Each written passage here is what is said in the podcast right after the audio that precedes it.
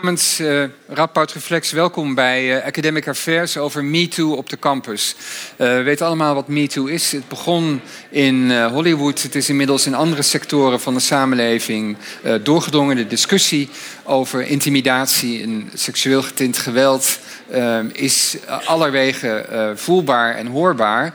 de vraag die we vandaag gaan stellen, waar staan wij? En wij is wij hier op eh, de campus Radboud Universiteit in deze uh, discussie.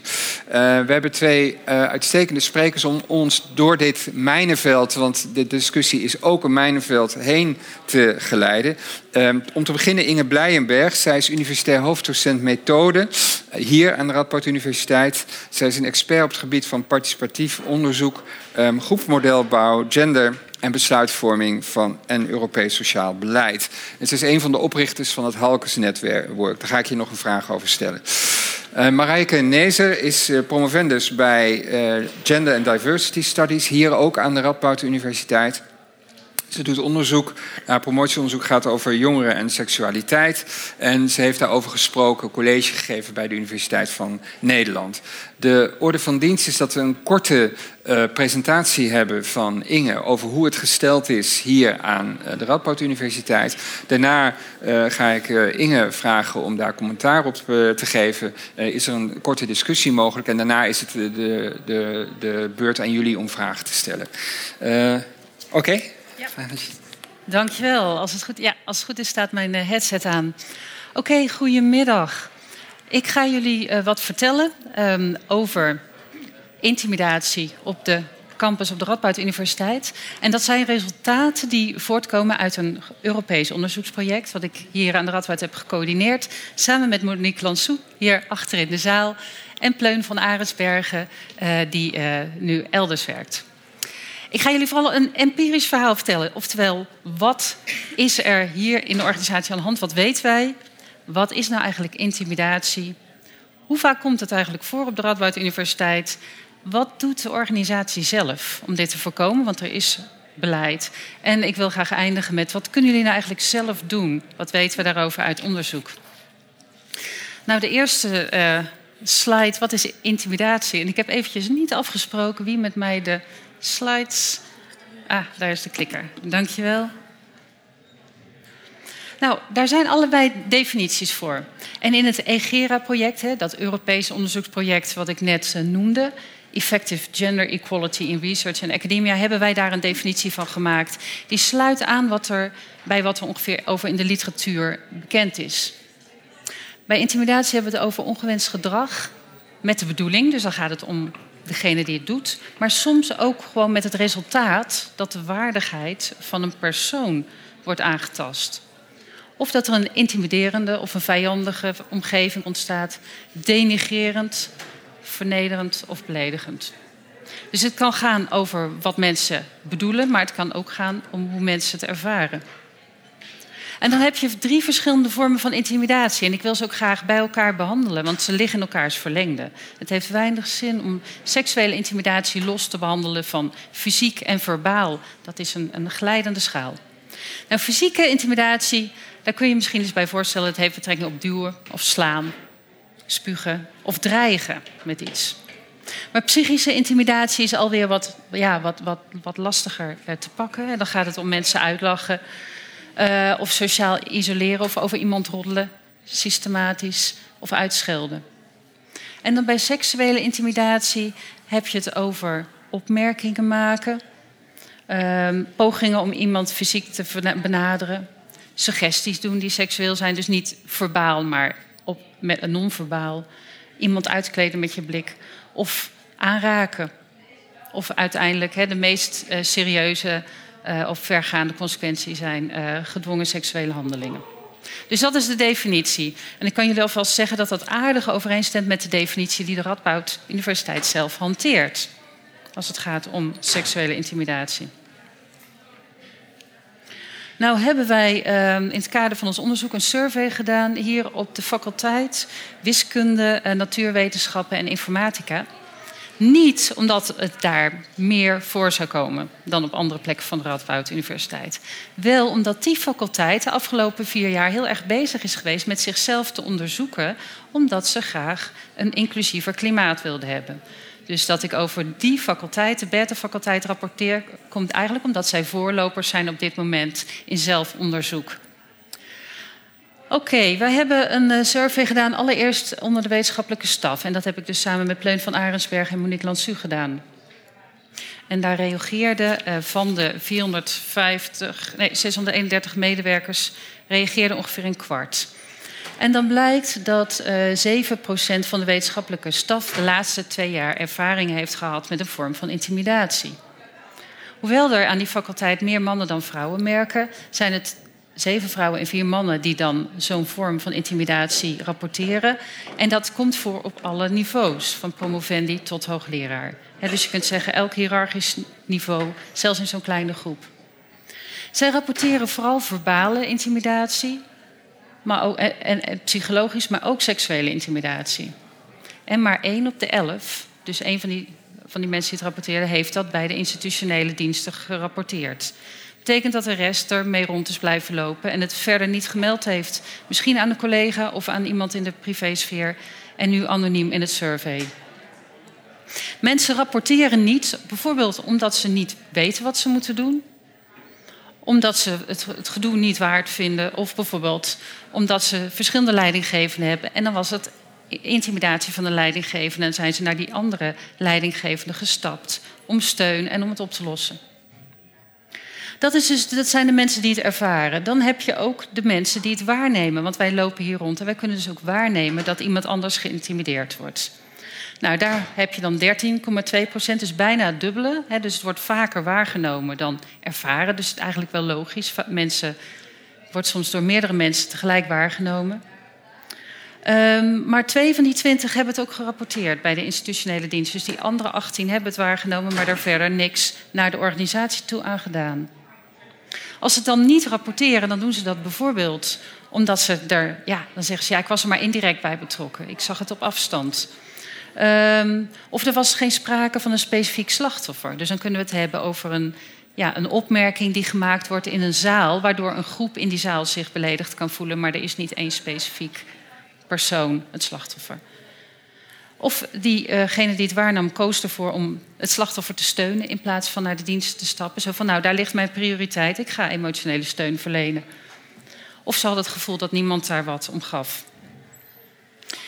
Dit is dus de wetenschappelijke staf. Nou waren wij binnen de uh, commissie Gender en Diversiteit van, die, van de Beta-faculteit benieuwd of het nou ook bij studenten voorkwam. Dus een aantal van mijn collega's in de commissie, um, Twan Lago Jansen, Laura Jussen, um, Joke Leenders zit hier ook in de zaal. Colin Logie en Rachel Meidam hebben hetzelfde survey uitgezet onder studenten weer van de Beta-faculteit. En ik kan er vooralsnog van uitgaan dat die resultaten representatief zijn voor studenten aan de Radboud in het algemeen. Nou, ze hadden een hele grote, uh, hele grote steekproef. 610 studenten hebben gereageerd. Dus je kunt wel zien dat dat hey, iets is wat hun raakt. En dan zie je eigenlijk een vergelijkbaar percentage. 6,9 procent, dat is hier een veel grotere groep, want het zijn 42 respondenten, hebben ervaring op de faculteit tijdens een studie met een vorm van intimidatie. Dus we hebben niet gevraagd naar privésfeer of naar uh, verleden, maar echt nu op het moment dat ze studeren. Dus dat kan het afgelopen jaar, twee, drie jaar zijn. Ook hier zie je dat het meer vrouwen dan mannen zijn die rapporteren, maar in beide sectoren, dus bij studenten en medewerkers, rapporteren ook mannen. Um, ook hier gaat het zowel om uh, verbale, fysieke als seksuele intimidatie. En slechts 13% van degenen die het meemaakten rapporteerde dat bij de institutionele diensten. En als ze dat niet deden, was dat omdat ze helemaal niet wisten waar ze terecht konden. Omdat ze dachten, ik ga dit zelf oplossen. Of omdat ze bijvoorbeeld um, zelf niet wilden of niet geloofden dat dat een verschil zou maken. Studenten die intimidatie waarnemen, dat is een, een, een kleiner percentage, grappig genoeg dan bij de medewerkers, 6,5 procent. Dus vergelijkbaar met de mensen die het ervaren. Maar dit survey is gedetailleerder. En je ziet hier wel dat ze het vaak meerdere keren hebben waargenomen. Dus dan hebben ze opgegeven hoe vaak ze het hebben waargenomen. En dat is soms wel vier, vijf keer. Ook hier zie je dat vrouwen het vaker waarnemen dan mannen. En um, ja, wat mij, eh, of wat, wat ons opviel, is dat als het waargenomen wordt, um, dat het zowel bij studenten door begeleiders is, intimidatie, als door medestudenten, als door ondersteunend personeel. Dus helaas moeten we hier onderkennen. Ja, studenten hebben niet alleen last van andere studenten, maar soms ook van de mensen van wie ze college krijgen, of de mensen uh, die uh, ondersteunend personeel zijn in de organisatie. Oké, wat doet nou de Radboud Universiteit om intimidatie te voorkomen? We hebben dat de afgelopen jaren in, in de kaart gebracht. En er, eigenlijk liggen er gewoon hele mooie regelingen. Er is een regeling ongewenst gedrag. Als jij deze term intikt op internet, kun je hem zo vinden, een uitgebreide tekst. Die laat zien wat is nou ongewenst gedrag. En die definitie die past heel erg bij de definitie die ik in de eerste slide liet zien. Met daarbij nog opgemerkt dat de universiteit zegt: op het moment dat mensen een beslissing over jou moeten nemen, bijvoorbeeld als uh, docent of als begeleider, dan is dat ongewenst gedrag, gedrag, extra ongepast. Eigenlijk altijd als iemand ervaart dat, dat een ander te dichtbij komt terwijl die ook beslissingen over jou moet nemen, dan, dan is dat iets wat de universiteit wil afremmen. Er is een vertrouwenspersoon, er zijn diverse vertrouwenspersonen, verschillende voor studenten en medewerkers. En er is een klachtencommissie waar je naartoe zou kunnen als er sprake is van ongewenst gedrag. Dus er is eigenlijk op papier gewoon degelijk beleid. Maar als wij uh, onderzoeken bij medewerkers hoeveel mensen kennen nou die regeling, dan blijkt dat 64% van de medewerkers niet eens weet dat er een regeling is voor ongewenst gedrag. Dus een kleine, nee, ruim een derde weet het wel, maar twee derde niet. En de klachtencommissie die is nog onbekender. 74% van de medewerkers die, uh, weet niet dat er een klachtencommissie is. Grappig genoeg weten de mannen het gemiddeld toch nog iets beter dan de vrouwen. En de vertrouwenspersoon is de meest bekende persoon. En 70% weet dat er een vertrouwenspersoon is, maar 30% toch nog niet. Dus dat doet de Radboud Universiteit om intimidatie te voorkomen. Um, en, en, we zien dat er in ieder geval behoorlijke verbeterpunten zijn als het gaat om bekendheid van de regelingen. Wat zou ik jullie nou zelf willen meegeven uh, naar aanleiding van wat wij gevonden hebben? Mijn doel hier vandaag is bereikt als jullie naar huis gaan met het idee: dit komt voor, ook op de Radboud Universiteit. Dat jullie dat aanvaarden. Dit soort zaken komen voor in de hele samenleving, maar ook hier. En dat je daarmee um, ja, kunt vermijden dat, dat mechanisme dat wij allemaal hebben in onszelf. Ja, maar als het voorkomt, dan had je ook niet dit moeten doen of dat. Dat mechanisme is heel sterk. Wij willen heel graag geloven in een, in een samenleving of een organisatie die eerlijk is en fair. En we hebben de neiging om slachtoffers de schuld te geven. En dat kunnen we op deze manier voorkomen. Wat kun jij zelf doen? Zorg dat je geen dader bent. Wees respectvol naar medestudenten en collega's. Ook in het respecteren van hun persoonlijke ruimte.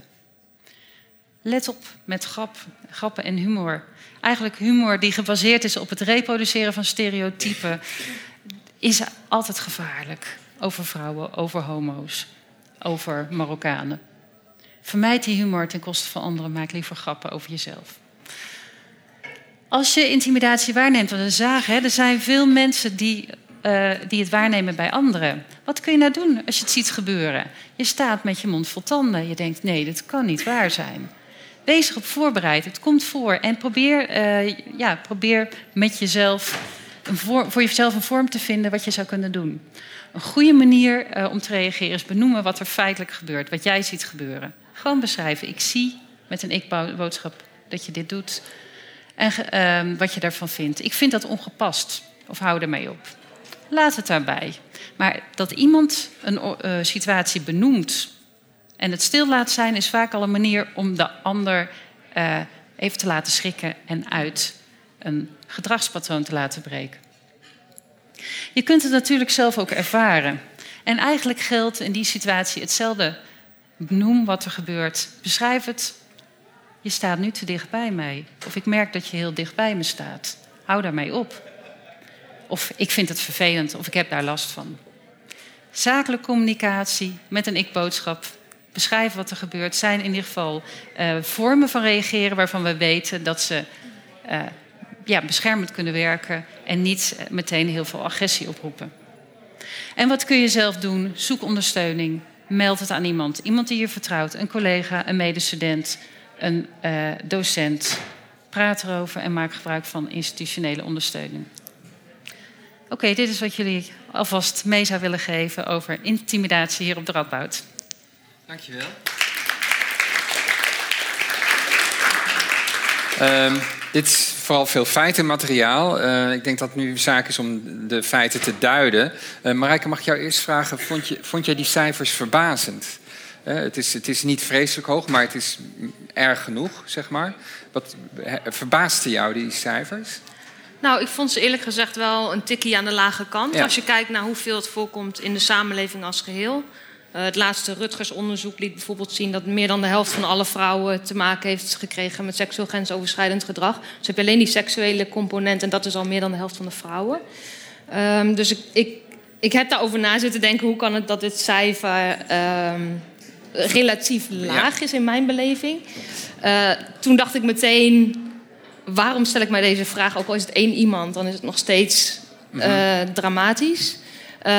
plus, als je het vertaalt naar een universiteit waarop meer dan 20.000 studenten rondlopen en 5.000 FTE-medewerkers. Dan gaat het echt al snel om 2000 mensen die zeggen: Ik heb te maken gehad met mhm. intimidatie. Mm -hmm. Nou, dat, dat zijn wel cijfers waarvan je denkt: Wow, ja. oké, goed. Um, en als je dan nog eens gaat kijken naar wie dan slachtoffer daarvan worden, dan zijn dat bepaalde groepen. Dat zijn vaker vrouwen, dat zijn vaker mensen in een lagere machtspositie, dat zijn vaker seksuele minderheden, etnische minderheden. Dat zijn groepen die op andere manieren uh, ondergeschikt worden gemaakt aan andere groepen. Dus de kans is voor die mensen geen 7%. Als jij een vrouwelijke promovendus bent, is jouw kans veel en veel hoger dan dat, bijvoorbeeld. Mm -hmm. Uh, en wat ik nog bedacht is, uh, ik denk dat een heleboel mensen niet uh, hebben gerapporteerd, ook niet in het survey, ook al is het een anoniem survey, omdat aan de ene kant misschien ze het niet durven te rapporteren. Want wat gebeurt er als iemand erachter komt dat jij hebt gezegd dat je bent lastiggevallen? Maar ook omdat mensen vaak onderschatten of ja, wat ze meemaken zelf al bagatelliseren. Een mhm. soort van vooruitlopen op wat er in onze samenleving constant mhm. gebeurt. Van ja, maar hè, een klap op je kont. Ja, doe niet zo moeilijk. Doe niet zo moeilijk. Mhm. En ik heb al heel vaak ruzie gehad met mensen, omdat ik daar wel moeilijk over doe. Omdat dat al die dingen, ook die kleine uh, grensoverschrijdingen, zijn natuurlijk allemaal onderdeel van dat hele grote systeem. waarin een enorme machtsongelijkheid steeds wordt gereproduceerd. en waarin seks een van de manieren is, of fysieke of verbale communicatie, om dat te uiten en te reproduceren. Mhm. ja. Dat heb je nu een paar keer genoemd, die ongelijkheid en macht.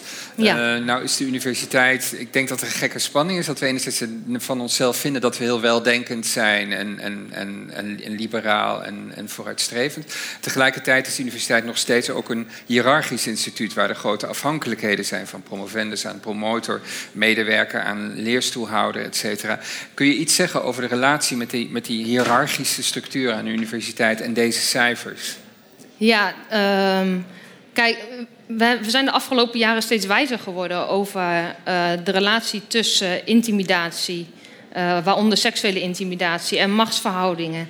En je ziet dat op plekken waar zo'n hiërarchie bestaat, daar komt seksueel geweld voor en andere vormen van intimidatie.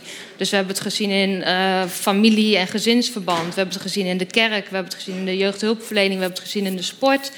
Uh, dus het is niet erg verwonderlijk dat ook in het onderwijs en ook aan de universiteit, waar ook gewoon mensen werken, ook al vinden we dat we hele weldenkende mensen zijn, we zijn nog steeds mensen, um, dat ook daar uh, machtsongelijkheden gepaard gaan met intimidatie. Mm -hmm.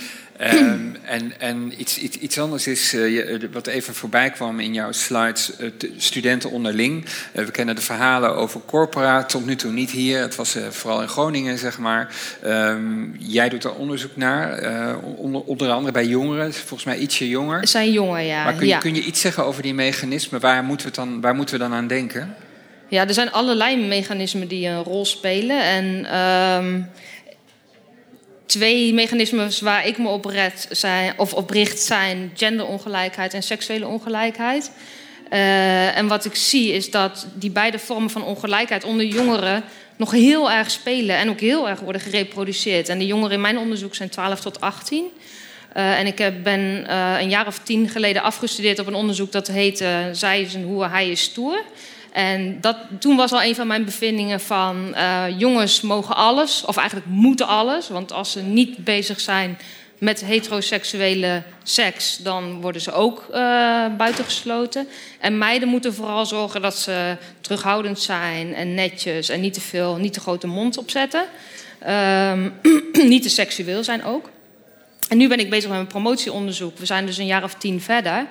En ik vind gewoon nog precies dezelfde ongelijkheden en uh, structuren terug onder de jongeren. -hmm. um, bijvoorbeeld um, meiden die sexy foto's van zichzelf maken, worden gezien als sletten. Als zij zo'n foto naar een jongen sturen en die jongen stuurt hem door, krijgt zij de schuld. Want waarom stuurt ze dan die foto?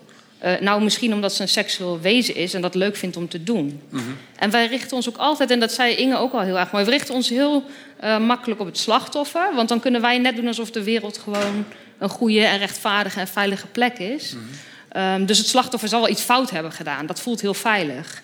Maar dat is natuurlijk niet zo. Ik bedoel, het maakt niet uit wat voor kleren je aan had. Het maakt niet uit wat voor foto je hebt gestuurd. Het maakt niet uit wat je deed. Mensen moeten gewoon hun handen thuis houden. Mm -hmm. Uh, vraag nog terug aan, aan, aan, Inge. Dit is een onderzoek, de getallen die je noemde waren van de faculteit FNWI. Ja. Uh, dat, dat is het materiaal dat we tot nu toe hebben. Ja. Uh, de vraag is natuurlijk, gaat dat uitgebreid worden? Gaan we iets radboudbreeds krijgen? Ja, in ieder geval niet, niet dat ik weet. Maar het is natuurlijk faculteit faculteiten staan vrij om zelf ook in hun eigen faculteit te gaan mm -hmm. onderzoeken. Of het college van bestuur zou kunnen zeggen. En ik weet dat er ook een personeelssurvey is geweest vorig jaar, waarin mm -hmm. Een van de items ook uh, was van komt de intimidatie voor. En wat mij bijstaat was datzelfde percentage wat er mm -hmm. uh, uitkwam. Mm -hmm.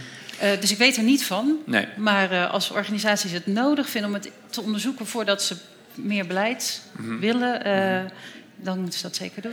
En, ja. en dan is dus het, het, commentaar, dan, dan zou dat getal ook nog flatteus kunnen zijn in die zin dat ja, mensen zelfs de op... survey niet invullen, zeg maar. Ik, ik wil er nog wel op reageren, want die 50% die ik ook ken, dat gaat over het hele leven. Mm -hmm. En ons survey was heel specifiek, de laatste twee jaar. Oh ja. Onder medewerkers. Okay. En voor studenten tijdens je studie mm -hmm. op de campus. Mm -hmm. Dus in die zin ga je veel meer inengen. En als ja. je die twee jaar uitspreidt naar jouw hele levensloop, je schoolloopbaan, ja. werk, ja. uh, privésfeer, dan denk ik dat er ook heel andere cijfers uitkomen. Dat zal inderdaad zeker impact dus ik, hebben. Ik, ik ja. kijk er niet zo heel erg van op dat het een wat lager percentage is. En ik ben het met jullie allebei eens. Ieder persoon is één te veel. Dus als we hier alleen al in het survey, hoeveel was het? Uh, dan ben ik het zelf kwijt. Zeven.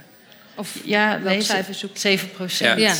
Maar uh, 11 mensen en 40 ja. mensen, dat ja. zijn er 50 te veel ja. waar we iets vanaf weten. En als je het inderdaad extrapoleert naar de universiteit als geheel, dan zit je met een behoorlijke zaal vol mensen. Dus, dus dan, dan wordt het ineens heel concreet en, uh, en heel veel eigenlijk. Precies. Uh, en dan heb je dus nog niet de mensen die iets hebben meegemaakt, maar die zelf denken, nou, dat, dat noem ik geen intimidatie. Ja. Mm -hmm. Hè, die die prof die net even iets te dichtbij kwam staan. Of, ja, nee, ja, nee, dat is, er zijn ook mensen die worden verkracht. Mm -hmm. Ja, dat klopt. Maar dat wil niet zeggen dat dat anderen geen intimidatie Ja, ja. Iets, iets anders is, in de discussie hierover is er ook een soort tegenbeweging. En dat zijn dan met name mannelijke columnisten die niks beters te doen hebben, zeg maar. En uh, waaronder collega's, collega's van, van, van, van, van mij.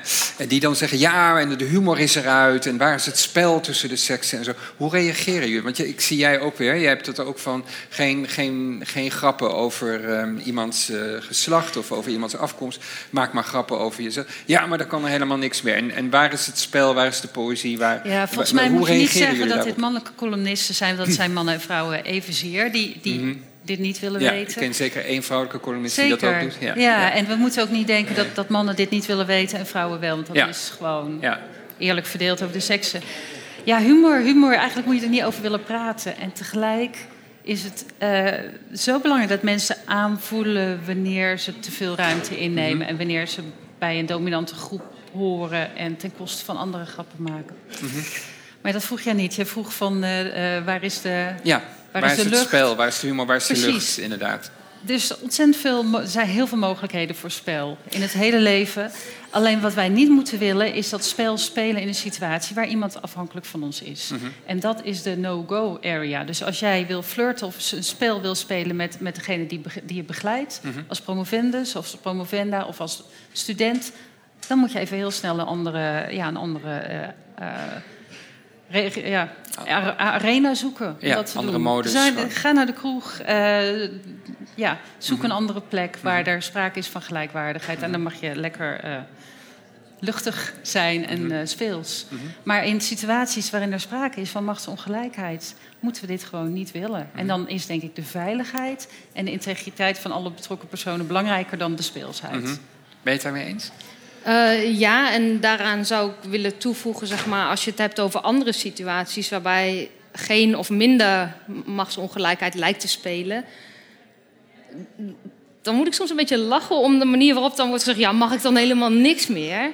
Ja, je mag wel iets, maar let even op die ander of die het ook leuk vindt. En dan wordt het soms heel moeilijk gedaan. En als je dan kijkt naar bijvoorbeeld seksuele intimidatie, dat is de vorm van intimidatie waar ik dan het meest van weet. En dat er dan serieus een, jongens en mannen zijn die denken dat ze helemaal niks meer kunnen doen. Dat vind ik zo'n rare. Dan sla je de situatie zo plat. Zeg maar, als jij iemand ziet reageren op jouw avances. Dan ga je toch nadenken van... Oké, vind, vindt ze het leuk? Of als ik het heb over heteroseksuele eh, interactie... Vindt diegene het leuk wat ik aan het doen ben? En zo nee, ga ik dan door of niet? En daar helpen natuurlijk allerlei stereotypen ook niet in mee. Dat idee van de man als jager en de vrouw als prooi. Dat is, daardoor krijgen jongens ook het idee van als zij nee zegt, moet je harder proberen. In plaats van als zij nee zegt, moet je een stapje terugzetten. En even kijken van heb ik kans of niet. Dus die stereotypen zijn natuurlijk ook heel belangrijk om aan te, om aan te pakken. En ehm, pas als we de ander als mens zien en ook serieus onze vaardigheden inzetten in zo'n gesprek, dan kunnen we voorbij eh, dat, dat idee komen van je mag alles of je mag niks. Ik, ik- nog, nog een andere vraag. Ehm, het heeft niet alleen met gender, het heeft veel met gender te maken, maar Ja. het heeft niet alleen met gender te Nee. maken.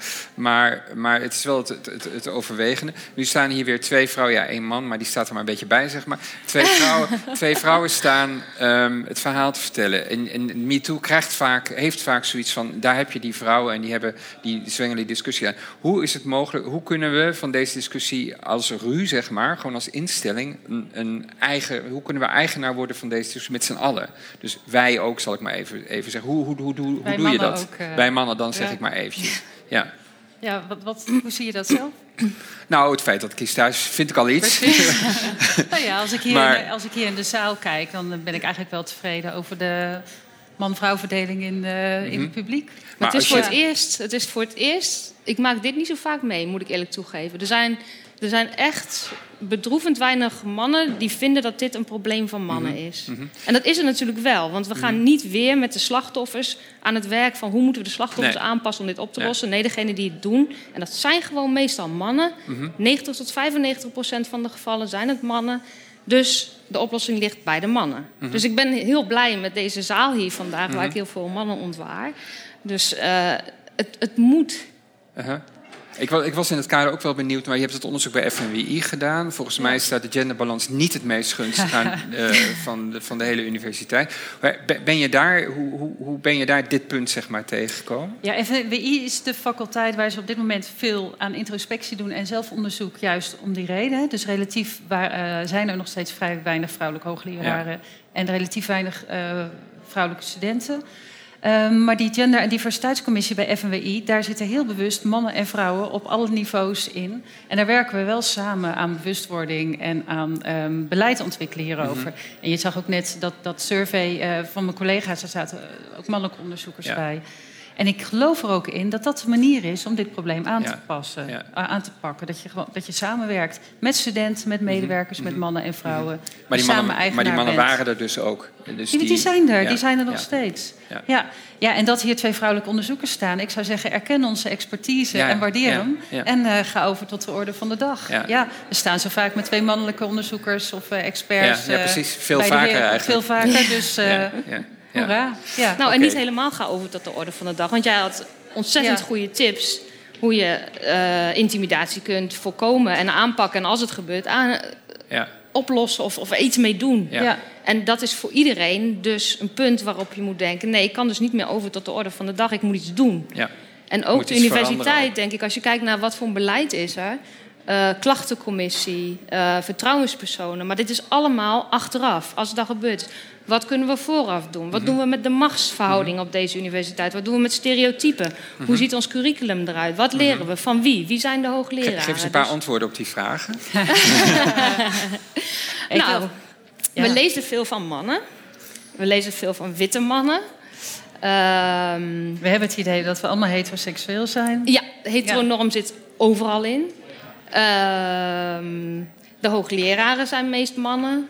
Ehm, teksten die ik lees zijn soms gewoon seksistisch. Mm hier moeten we bij stoppen. Dus bij, bij eigenlijk het gegeven, we beginnen, we beginnen, we zijn de discussie vorige week Internationale Vrouwendag eigenlijk al begonnen. We zetten hem nu voort. Ik denk dat de discussie nog helemaal niet afgelopen is. Maar in ieder geval voor, voor dit stukje, jullie heel erg bedankt voor jullie uh, bijdrage. Groot applaus.